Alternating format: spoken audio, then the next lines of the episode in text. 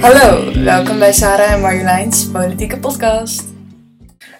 Als eh, jullie één probleem in de maatschappij mochten oplossen, welk probleem zouden jullie dan kiezen? Socialisme. Dat eh, was wat de jongens eh, zeiden die achter ons zaten in de maatschappijwetenschappenles. En uh, ja, Sarah en ik, wij keken elkaar aan en wij dachten, wij, wij, mo- ja, wij moesten eigenlijk een beetje lachen. Wij Wat is dit nou? Ja, hoe kan iemand socialisme als maatschappelijk probleem zien? En toen raakten we een beetje in gesprek met ze. Toen kwamen we er dus achter dat wij best wel meer links waren en dat zij meer rechts waren. En toen vroegen we ons eigenlijk af, zo van ja, zit daar een soort van verband in? Is Ja, zijn, zijn vrouwen echt meer links en mannen echt meer rechts? En toen dachten we zo van ja, je moet er eigenlijk gewoon wat mee doen. En eh, toen hebben we dus besloten om het iets breder te pakken. En niet alleen te kijken naar geslacht, maar naar meerdere factoren. En daar hebben we ons profielwerkstuk over gemaakt. En eh, dat gaan we bespreken in deze podcast. Ja. In de Verenigde Staten heb je eh, heel duidelijk twee kampen. Dus je hebt bijvoorbeeld de Republikeinen en de Democraten. En die staan op dit moment echt lijnrecht tegenover elkaar. In Nederland is het juist veel complexer, want er zijn heel veel verschillende stromingen en deze hebben overeenkomsten en verschillen. En ehm, deze worden allemaal gecategoriseerd in verschillende stromingen. Dus je hebt bijvoorbeeld links, rechts, centrum, progressief, conservatief, ehm, socialisme, liberalisme, populisme, etc. etc. En ehm, ik ga jullie daar wat over vertellen.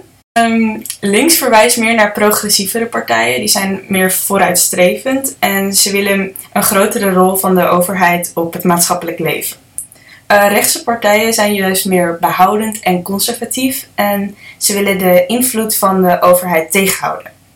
Eh, centrum bevindt zich een beetje tussen beide. Dus een beetje heeft linkse en rechtse ehm, overeenkomsten. Mhm. En ehm, er zijn bijvoorbeeld ook extreme partijen, dus die hebben echt radicale ideeën.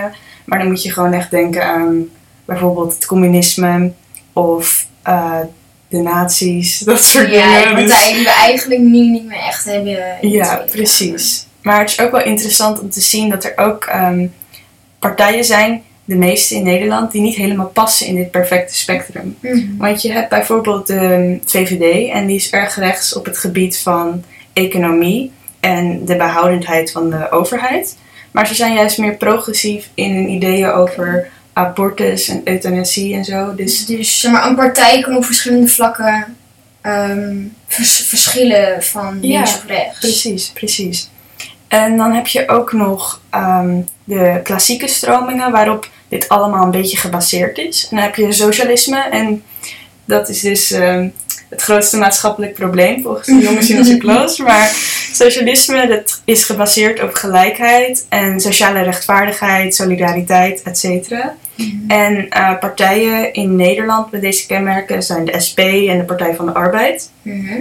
En liberalisme hangt meer belang aan vrijheid en eh, de overheid moet daar een kleinere rol bij spelen in het doen en laten van de burgers. En bijvoorbeeld de VVD is meer liberaal. Ehm, en dan heb je confessionele. En de confessionele die ehm, hechten veel belang aan eh, geloof. En dit moet ook een basis zijn voor hun eh, politieke waarden en normen. En dat is- zijn dan natuurlijk eh, het CDA en de ChristenUnie, een beetje dat soort partijen. Mhm. En je hebt ook nog een beetje subcategorieën van, van deze klassieke stromingen. Dus je hebt bijvoorbeeld het ecologisme.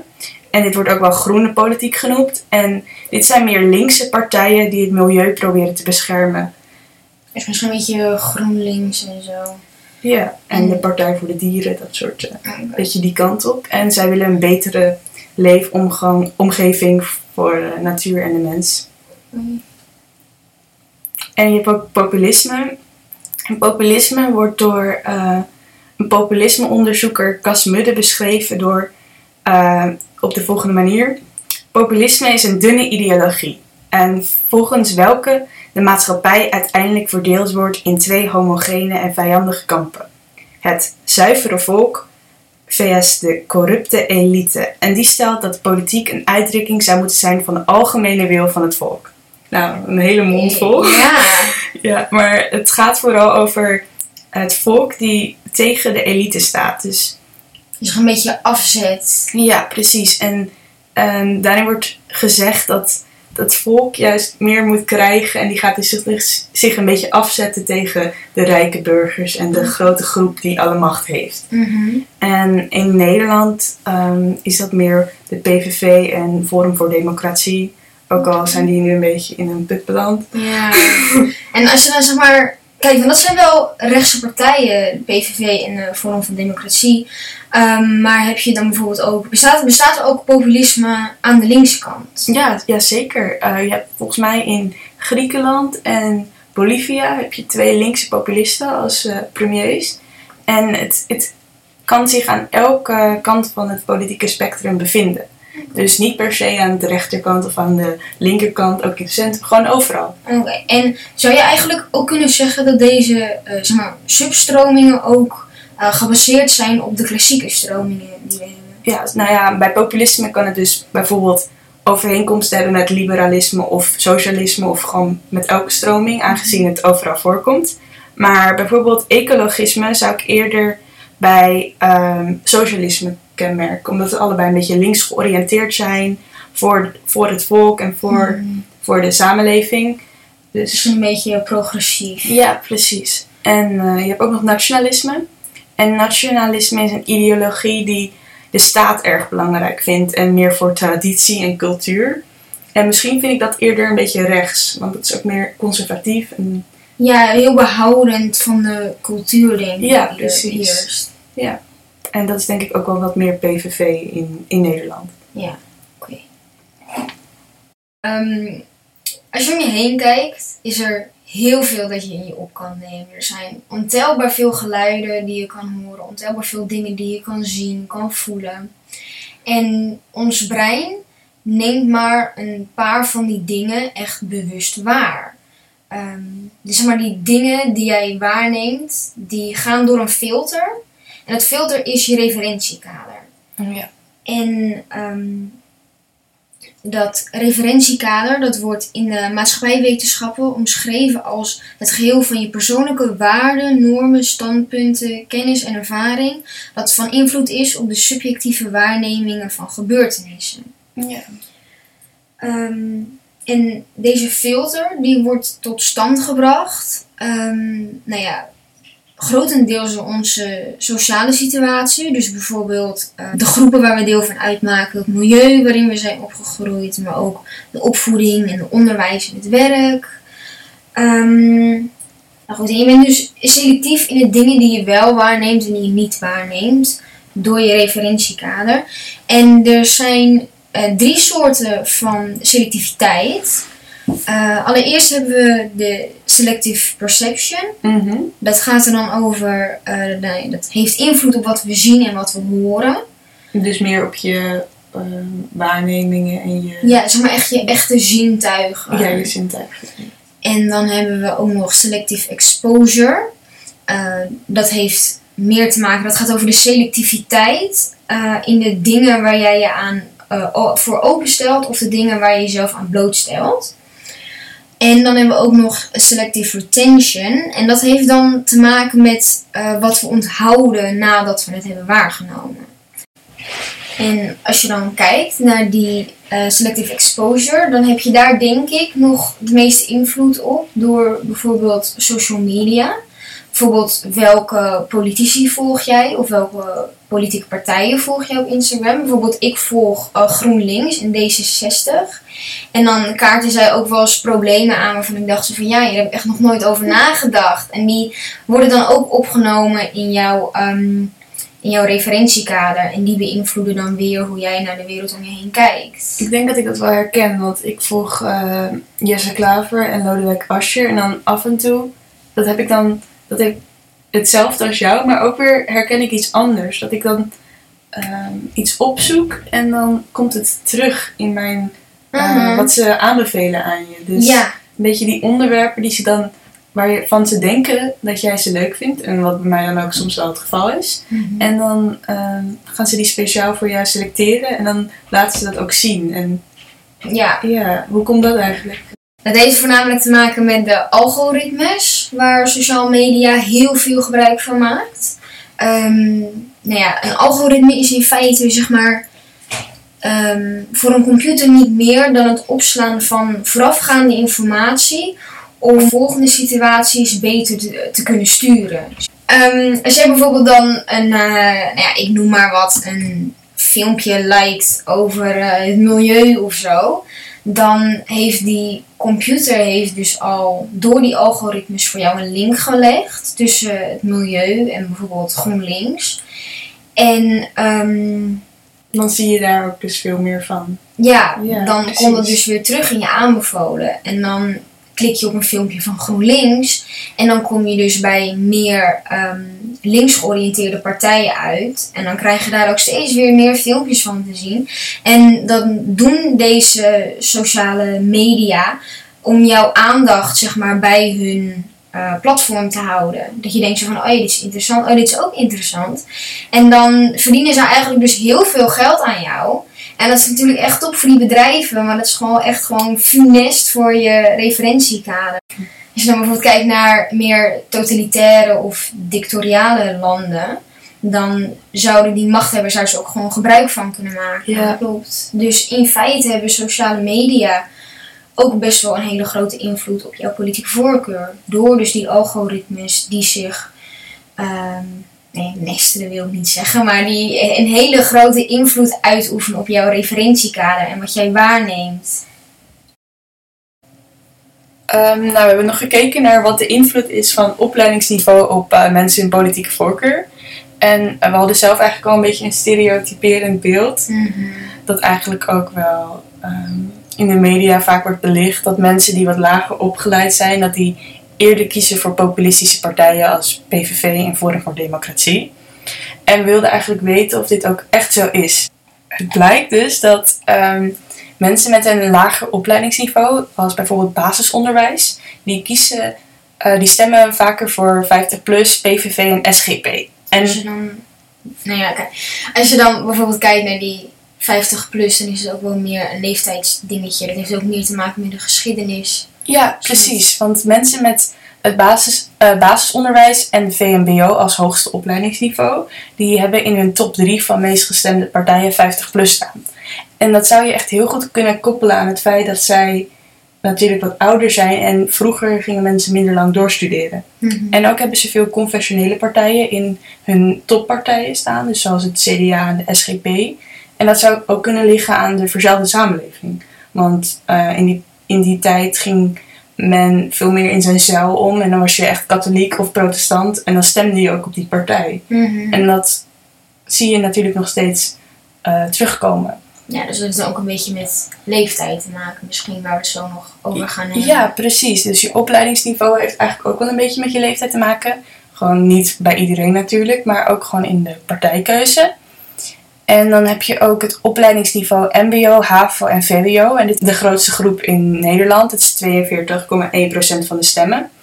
En zij stemden, dit zijn allemaal eh, data van 2012, voor PVV, SP en Partij voor de Dieren het meest. En ehm opleidingsniveau HBO was 22% van de stemmer. En zij, en samen met de universitair gescholden, stemden meer voor GroenLinks, D66, D66 en VVD.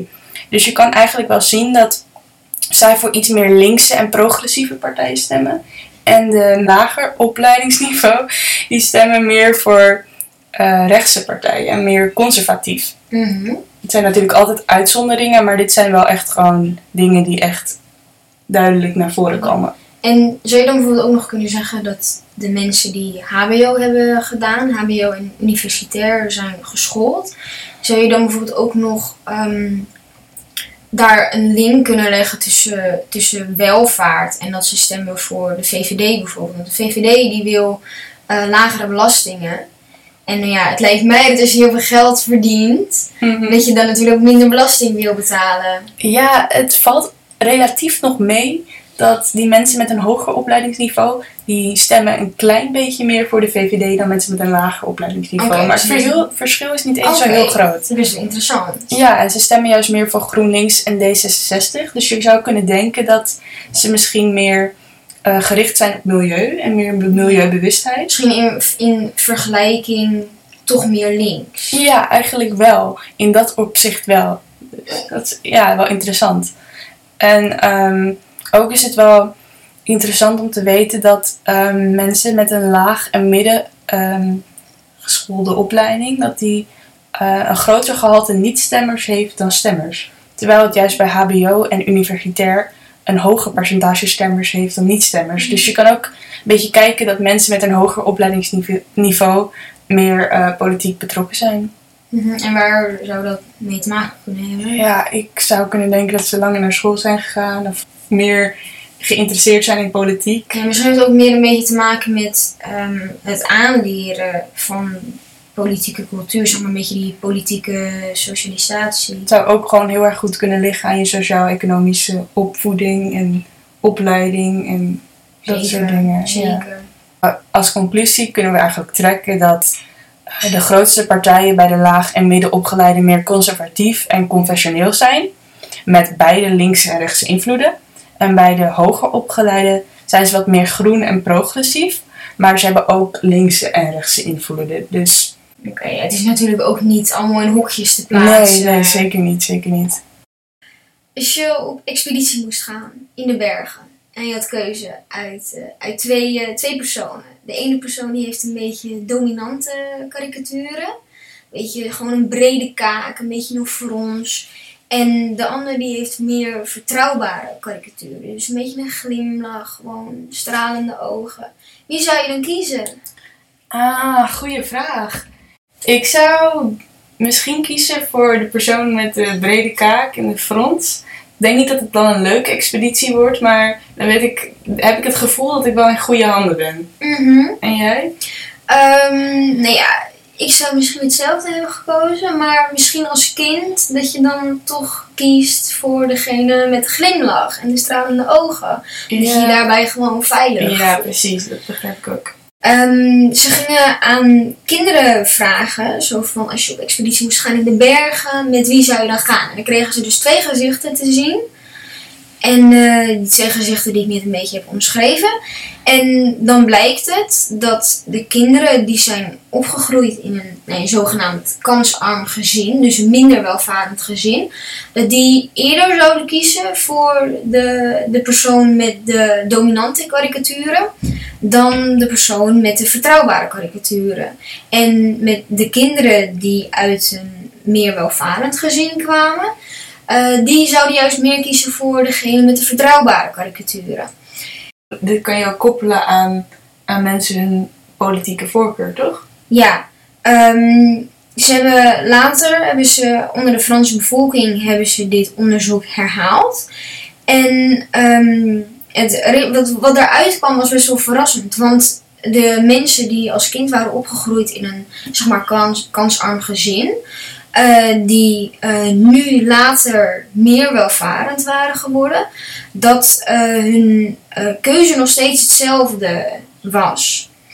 Ehm, nee, en dit kan je dan inderdaad ook vertalen naar ehm, de politiek. Zeg maar, op wie zou je eerder stemmen? Als je echt kijkt naar persoon zelf. Zou je dan stemmen op, ehm, Een sterk uit. op een sterk uitziend iemand of meer op een vertrouwbaar uitziend iemand? En daarmee kan je dus zeggen dat er ook een verband is tussen opvoeding, in welk eh, financieel klimaat je bent opgevoed, en politieke voorkeur. En dat komt als jij opgroeit in een minder welvarend gezin, dan zie jij de wereld om je heen altijd nog als een soort van gevaarlijk. En Een dan, competitie. ja, dan heb je het gevoel dat je altijd nog moet blijven vechten voor wat je wilt. En daarom stem je dus op iemand waarvan jij denkt, die kan deze problemen handelen. Die kan dit het beste aan. sterk. Ja. Ja, ja, precies.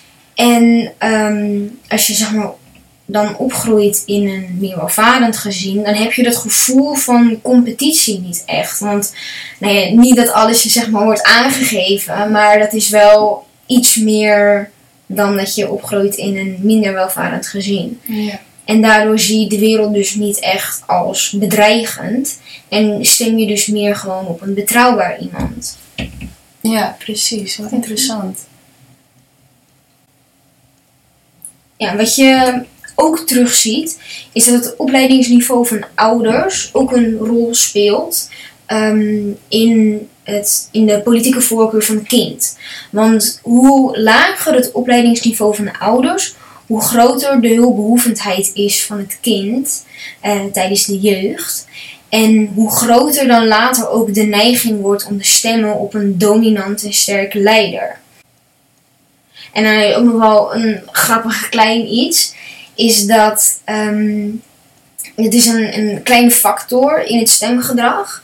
Is ook hoe vaak jij als kind buiten in de natuur bent geweest. Als jij als kind buiten heel vaak in de natuur bent geweest, dan heb jij meer een besef ehm, dat uh, het, nee, de natuur best wel een kwetsbaar, complex iets is.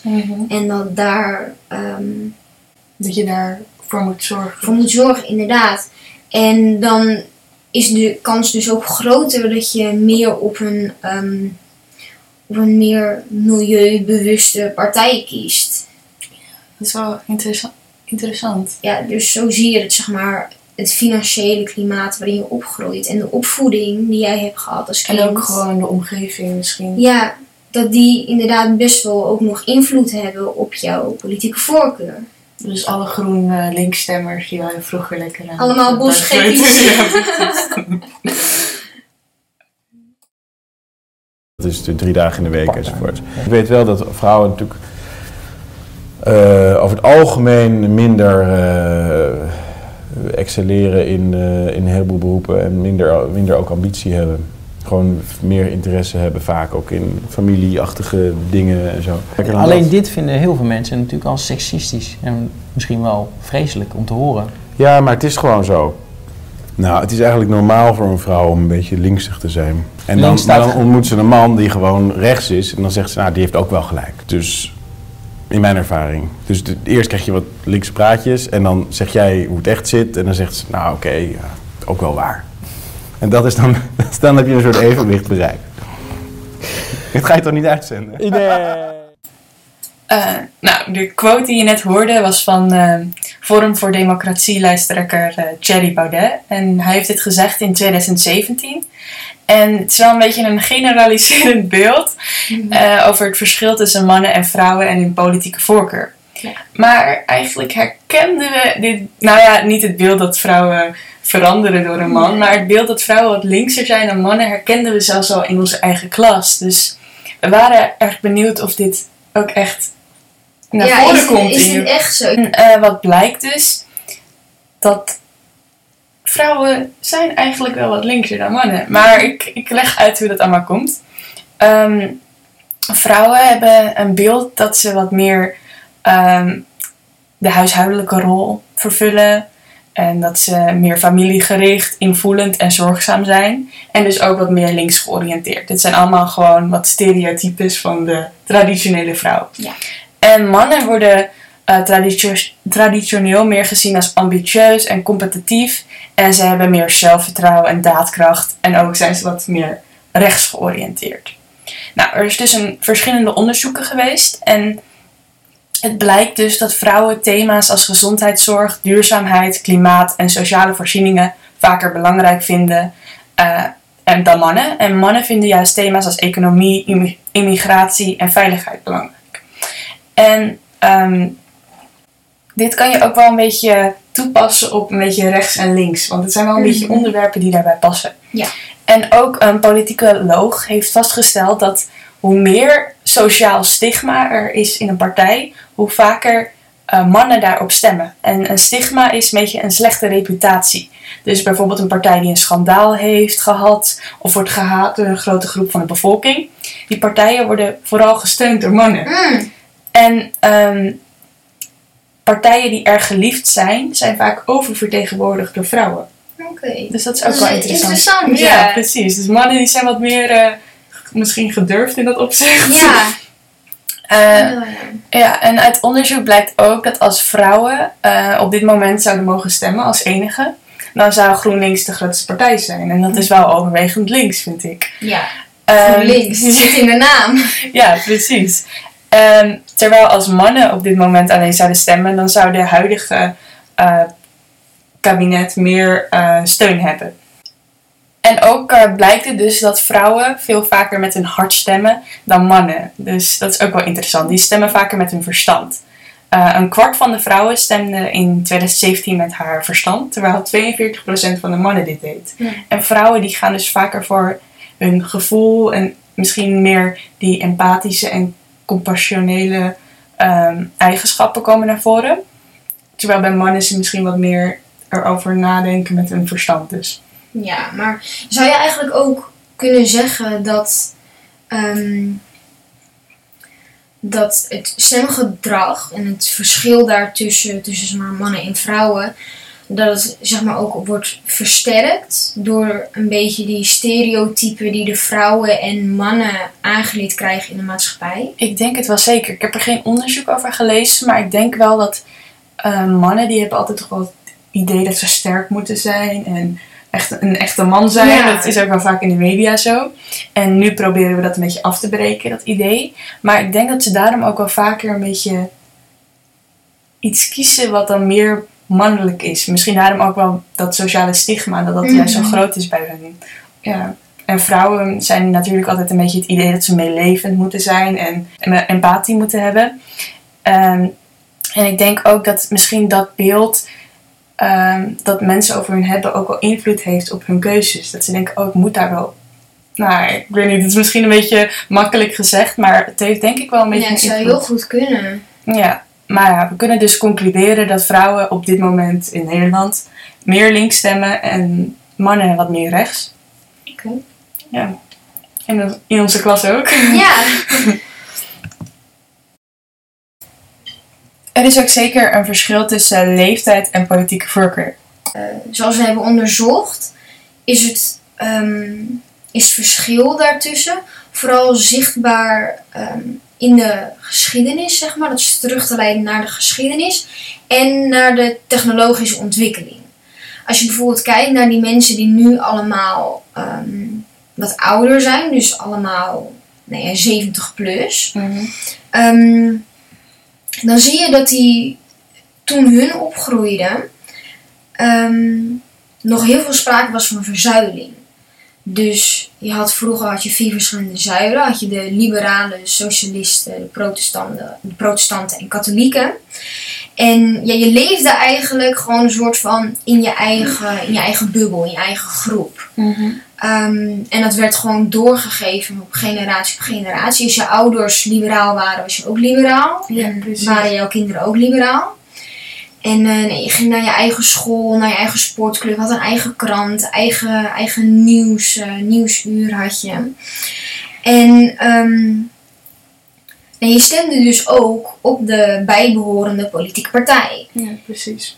En nou, je ziet nu dus nog best wel dat de zeg maar, wat oudere mensen, dat die ook stemmen op de overeenkomende partij die dan zouden behoren bij hun zuil. Ehm, je ziet bijvoorbeeld dat ehm 75 jaar of ouder, dat die eh, nou ja, 50 plus stemmen, maar het heeft ook natuurlijk te maken met ehm, waar de politieke partij zich voor inzet. Ehm, maar ehm, een even groot deel van 75 jaar en ouder heeft gestemd op het CDA. en dat Oh ja, is natuurlijk precies. een christelijke partij. Mhm. Dat is dan weer terug te leiden naar de verzuiling. Ja, en tegenwoordig is er ook veel meer secularisering. Dus ik denk tegenwoordig gaan mensen juist van hun geloof af. En ik denk dat die oudere mensen er juist meer... Ja, die, houden, die Ja. blijven er zich aan vasthouden. Ja. Omdat ook zeg maar, het idee van die loyaliteit naar je politieke partij toe, die er in de verzuiling heel erg was, dat die bij de ouderen ook nog een beetje is blijven hangen. Ja, terwijl er bij jongeren en misschien mensen van 20, 30, 40, 50, dat het juist veel meer zwevende kiezers zijn. Dus dat ze Ja. elke, verkiezing eh, een beetje van een Over partij... het anders stemmen, ja. Ja. En wat je dan bijvoorbeeld bij de jongeren nu heel erg ziet, dat heeft dan te maken met de ehm, ontwikkelingen in de technologie. Mhm. Dan zie je bij de jongeren dat juist heel erg de media invloed heeft. En ehm, nee, dat heeft dan, zoals we het hebben gezegd, voornamelijk invloed met de selectieve perceptie. Maar het heeft ehm, bijvoorbeeld ook te maken met dat de media heel erg polariserend werkt. Als je dan bijvoorbeeld kijkt naar Amerika, dan hebben we dat daar ook gezien dat de media heel subjectief zijn. En ehm, En je ziet nu echt twee kampen verschijnen daar. precies, en dat gebeurt dus ook steeds meer in de Nederlandse media. Want als je dan bijvoorbeeld kijkt naar een bijvoorbeeld talkshow, Mm. waar best wel veel millennials, dus 20, 30-jarigen naar Mm. kijken. ehm, dan, als het dan bijvoorbeeld gaat over een politieke kwestie, dan zie je dat in die talkshow dan twee mensen eh, tegenover elkaar worden gezet met een compleet verschillende mening. Alsof er niet meer een tussenmening is. Precies. En dat doen ze natuurlijk omdat het heel interessant is om naar te kijken. Ehm, maar zo Entertainend. ja, maar want media heeft dus ook een entertainend doel en niet alleen een, een informatief doel. Ehm, en dan, krijg, dan verlies je dus inderdaad zicht op een beetje dat middenveld. Zo van als het bijvoorbeeld gaat over ehm, Immigratie. immigratie, precies. Dan zie je dat mensen heel vaak of voor of tegen zijn. Dus of geen immigranten, of juist gooi de grenzen maar open, kom allemaal maar Ja. binnen. Ehm, maar mensen vergeten vaak dat je bijvoorbeeld ook kan denken: oké, ja, er mogen wel immigranten komen, maar er is een grens. Ja, precies. En dat wordt dus heel vaak vergeten. Nu door die media, dus die polariserende werking van de media. En dat zie je dan voornamelijk nu terug in dat jongeren eh, nu vaker stemmen op een heel eh, uitgesproken partij. Dus Mhm. bijvoorbeeld de PVV of bijvoorbeeld Partij van de Dieren. Ja, precies. Die echt een mening hebben. Die echt een, Ja. ja. Als je dan bijvoorbeeld kijkt naar PVV, dan heb je natuurlijk heel minder erg of minder Marokkaan. Ja, heel erg. ehm, die, eh, die zijn heel erg gericht op de immigratie. Dus dat is dan bijvoorbeeld een beetje ja, extreem. Ja, rechts. precies. Of extreem over een moslim uitspraken, Ja. dat soort dingen. Dan dus gewoon dat is een iets extremere partij kunnen stellen. precies. En als je dan bijvoorbeeld kijkt naar Partij van de Dieren, dat is dan, zou ik zeggen, een one-issue party. Dus Ja. die focussen zich vooral, of nou ja, daar staan ze bekend om, dat ze zich vooral focussen op eh, dierenleed. Ja. En, Welzijn en dingen. dat soort Ja, ja, dus dan zie je... vergeten we een beetje dat middenveld van partijen die ergens voor en tegen zijn. Ja, Ja. gewoon ja, een mengelmoes. Ja. Ja. Nou, we hebben zelf ook een enquête opgesteld, eh, want we deden een sociaal-wetenschappelijk onderzoek en dan wilden we kijken of onze dataverzameling ook een beetje onze onderzoek kon ondersteunen. Ja. Dus we hebben gevraagd aan mensen wat hun geslacht was, hun leeftijdscategorie, hun opleidingsniveau, welke klassieke stroming hun eh, de meeste voorkeur had. Dus socialisme, liberalisme of confessionalisme. Eh, we hebben gevraagd waar ze de meeste voorkeur aan gaven, rechts en conservatief, links en progressief of centrum.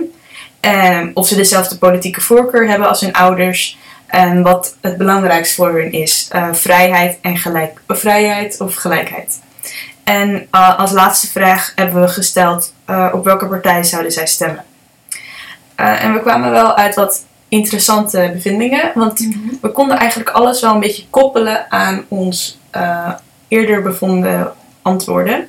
Want het blijkt dus dat eh, de vrouwen die onze enquête hebben ingevuld, dat waren er 111, zij kozen voor de meerderheid voor socialisme. Mhm. En de mannen, de 80 mannen, die kozen juist met een meerderheid voor liberalisme. En dat is wel interessant om te zien, want dat komt ook wel een beetje overheen met geslacht. En dat vrouwen vaak wat Mhm. meer links zijn dan rechts. En ook wat wij in de klas zelf hebben bevonden. Ja, ja precies. Ehm, en ook daarna gingen we onderzoek doen naar eh, opleidingsniveau en de gekozen partij die zij interessant vonden, eh, voor zouden kiezen. En het blijkt dus dat ehm, onze grootste opkomst van de enquête had een opleidingsniveau VWO. Dus het was niet zo heel representatief en zo. Ja, maar s- we hadden hem ook voornamelijk verstuurd Naar, in de school. ja, Dus het was ook een beetje verwachtbaar. Ja, precies. Maar in ieder geval, zij kozen het eh, meest voor VVD, GroenLinks en D66. En dit komt ook echt heel erg overeen met, eh, met de grootste partijen van HBO en universitair gescholden. Mhm. En de tweede na grootste groep die de enquête had ingevuld had ehm, HAVO-niveau. en zij kozen het meest voor Forum, voor Democratie, VVD en GroenLinks. En, Dus je ehm, denkt ook wel weer een beetje die polarisatie voorkomen. Dat of ze stemmen voor Forum of voor GroenLinks. Beide heel uitgesproken partijen. Ja, precies. En het feit dat Forum voor Democratie is best wel een interessante, maar die kunnen we nog niet echt meetellen. Want in de onderzochte eh, cijfers van CBS, toen bestond de partij nog niet. Dus Mhm. we weten niet echt door welke ehm, opleidingsniveaus deze het meest wordt gekozen. Ja. Ehm, nou ja, in ieder geval was het ook wel interessant om te zien dat de vrouwen meer kozen voor GroenLinks en VVD en de mannen meer voor ehm, PVV en VVD en ook wel wat meer voor Forum. Dus je ziet wel een beetje dat die vrouwen wel wat meer linkse neiging hebben en ook wel VVD. Dus, maar gewoon GroenLinks en VVD en de mannen echt wel lekker rechts. Want eh, had Jerry tegelijk. Ja, precies. Ehm, en ook ehm, vroegen we of eh, de ondervraagden eh, dezelfde politieke voorkeur had, hadden als hun ouders. En ehm, eigenlijk hadden de meesten dit wel een beetje. En ehm, ja, dat is eigenlijk ook wel interessant om te zien. Want je merkt wel dat je dus als opvoeding eh, ook een beetje je politieke voorkeur doorgeeft aan je kinderen. Of Ja, gewoon door je, door je sociaal-economische situatie en de waarden en normen. Ja, precies. Die waarden en normen van je ouders maar, als het ware worden doorgegeven aan jou. Ja. Dus dat was wel interessant. We kunnen de enquête niet echt helemaal betrouwbaar bevinden, want we hebben hem 193 keer is ingevuld. En ehm, ja, dat is niet zo heel representatief voor de. Nee, ook Alle inwoners. we voornamelijk eh, op onze school is verstuurd en aan onze kennissen. Ja, en het zijn ook allemaal minderjarigen vooral, dus Ja. die kunnen niet eens stemmen. Maar het is nog steeds wel interessant dat ze toch wel onze hypothese ondersteunen. Ja, Ja. Nou ja, we hebben dus allemaal ehm, dingen net verteld over hoe je politieke voorkeur wordt ehm, ontwikkeld. En we hopen dat eh, jullie wat hebben geleerd en dat het interessant was. En het was leuk om, eh, om te onderzoeken. Want er zijn achter leuke dingen gekomen. Ja. ja. het was gewoon heel interessant om te onderzoeken hoe eh, zeg maar die vanzelfsprekende factoren toch wel een hele grote invloed kunnen hebben op je politieke voorkeur. Ja, zeker. En ehm, ik oh, ben ook echt benieuwd naar het feit of dit over een paar aantal jaar weer meer gaat veranderen. Want polarisatie en hoe dat invloed gaat hebben op de volgende verkiezingen en de coronacrisis. Dus Ja, hoe zeg maar de maatschappelijke veranderingen invloed gaan hebben Ja, op de precies. vorming van je politieke voorkeur. Het is nu december 2020, maar het zou in maart nieuwe verkiezingen. heel anders kunnen zijn hoe het er allemaal uitziet en wie wat heeft gestemd. Dus eh, dat is wel interessant om, eh om verder gaten te Ja, houden. precies. Dit was onze podcast. Bedankt voor het luisteren.